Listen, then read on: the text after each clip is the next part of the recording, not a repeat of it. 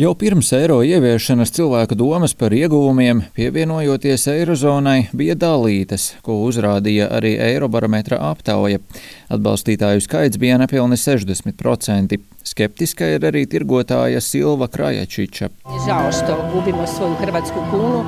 Man ir žēl, ka mēs zaudējam kunu, un neviens cilvēkiem to nejautāja. Man ir žēl, jo es domāju, ka valsts, kurai ir sava valūta, spēj uzturēt savu identitāti un vēsturiskās vērtības.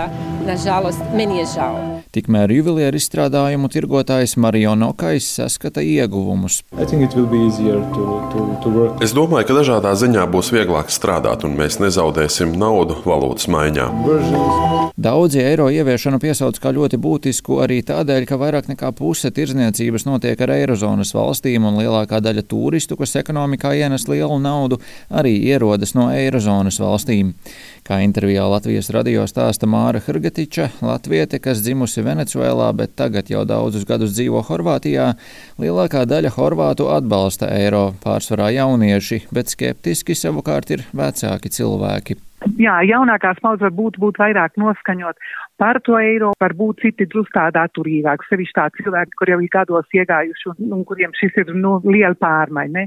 Bet principā man liekas noskaņojums var būt pārsvarā par eiro, bet noteikti ir cilvēki, kur varbūt nevēlējās. Dažas dienas pēc eiro laišanas apgrozībā Horvātijā jau bija manāma plaša neapmierinātība ar jaunāko cenu kāpumu, kas saistīts ar pāreju uz eiro. Cenas Horvātijā kāpa jau pirms tam, un tas notika inflācijas dēļ, kas sasniegusi aptuveni 13%. Bažas par potenciālu cenu kāpumu iedzīvotājiem bija jau iepriekš, atzīst Māra. Visvairāk bailes bija varbūt nezaudēt to nacionālo valūtu, bet nu, kas notiks? Kas notiks ar cenām, ar inflāciju. Janvāra sākumā daudzi valsts iedzīvotāji ziņoja, ka mazumtirgotāji un pakalpojumu sniedzēji palielinājuši cenas, neskatoties uz iepriekš izteiktajiem valdības un centrālās bankas solījumiem, ka pēc eiro ieviešanas cenas netiks nopaļotas uz augšu. Valdība cenu kāpumu nodēvējusi par ļaunprātību un negodīgu peļņas gūšanu.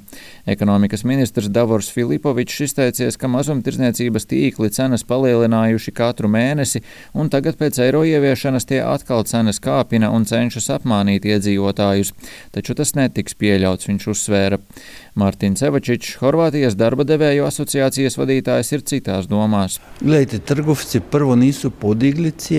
E, drugo zaokružili. Mazumtirgotāji cenas nepaukstināja, viņi tās nopaļoja saskaņā ar noteikumiem. Ja pēdējais cipars bija pieci vai vairāk, cena tika nopaļota uz augšu, un ja tā bija četri vai mazāk, to nopaļoja uz leju, tāpat kā valdība to ierosināja savās pamatnostādnēs. Valdība likusi dienestiem pastiprināt cenu kontroli un aicinājusi tirgotājus atjaunot nepamatoti paaugstinātās cenas 31. decembra līmenī. Māra gan skaidro, ka cenas nebūtu nav cēlušās pēkšņi. Lielos veikalos, teiksim tā kā varbūt Rīmī vai Maksima vai tā, jau kopš 1. septembra cen, cenas bija abās valūtās. Un lielie veikali jau bija pielāgojuši cenas inflācijai. Nebija tā, ka sagaidīja jauno valūtu un tagad paaugstināsim cenas. Viņi to nevar darīt vispārīgi. Viņi jau viņiem bija jāparāda visas cenas eiro un kūnas. Daži veikali, tādi mazāk veikali, sagaidīja, kad ievedīs eiro, un tad viņi savus cenas ne tikai pārvērtīs uz eiro, bet arī ieskaitīs to inflāciju. Un varbūt tāpēc tas šoks tagad ir liels, bet tas ir visvairāk mazos pārtikas veikalos. Lai gan eiro tagad ir oficiālā valūta Horvātijā, līdz 14. janvārim vēl var izmantot arī kunu. Pierast pie jaunās valūtas gan nav viegli. To saka arī kāda pensionāre tirdziņā. Odlično! Ja sam dala kune, vrati mi eure i ko bog.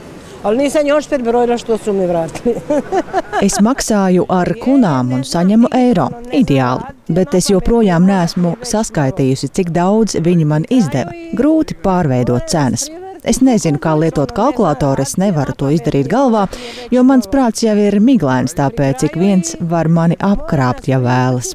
Es ceru, ka viņi ir godīgi cilvēki, tāpēc mani neapkrāps. Ja se nadam, da ima pošteni ljudi pa neće. Latvieta Māra atzīst, ka inflācija valstī ir jūtama un pēdējos 12 gados, tostarp pēdējā laikā, cenas ir ievērojami kāpušas, un tas nav saistīts tikai ar karu Ukrainā. Kā izceļ Mārta, cenu kāpums izjūtams ne tikai pārtikai, bet arī nekustamo īpašumu tirgu. Ņemot vērā to, ka Horvātija ir populārs turistu galamērķis, pērn valstī vairāk nekā 30% nekustamo īpašumu tika pārdots ārzemniekiem, kas arī ir viens no iemesliem mājokļu cenu kāpumam. Zemākā summa par kvadrātmetru nekustamajā īpašumā īpašumā Zagrebā svārstās ap 2500 eiro. Rihards Plūme, Latvijas radio.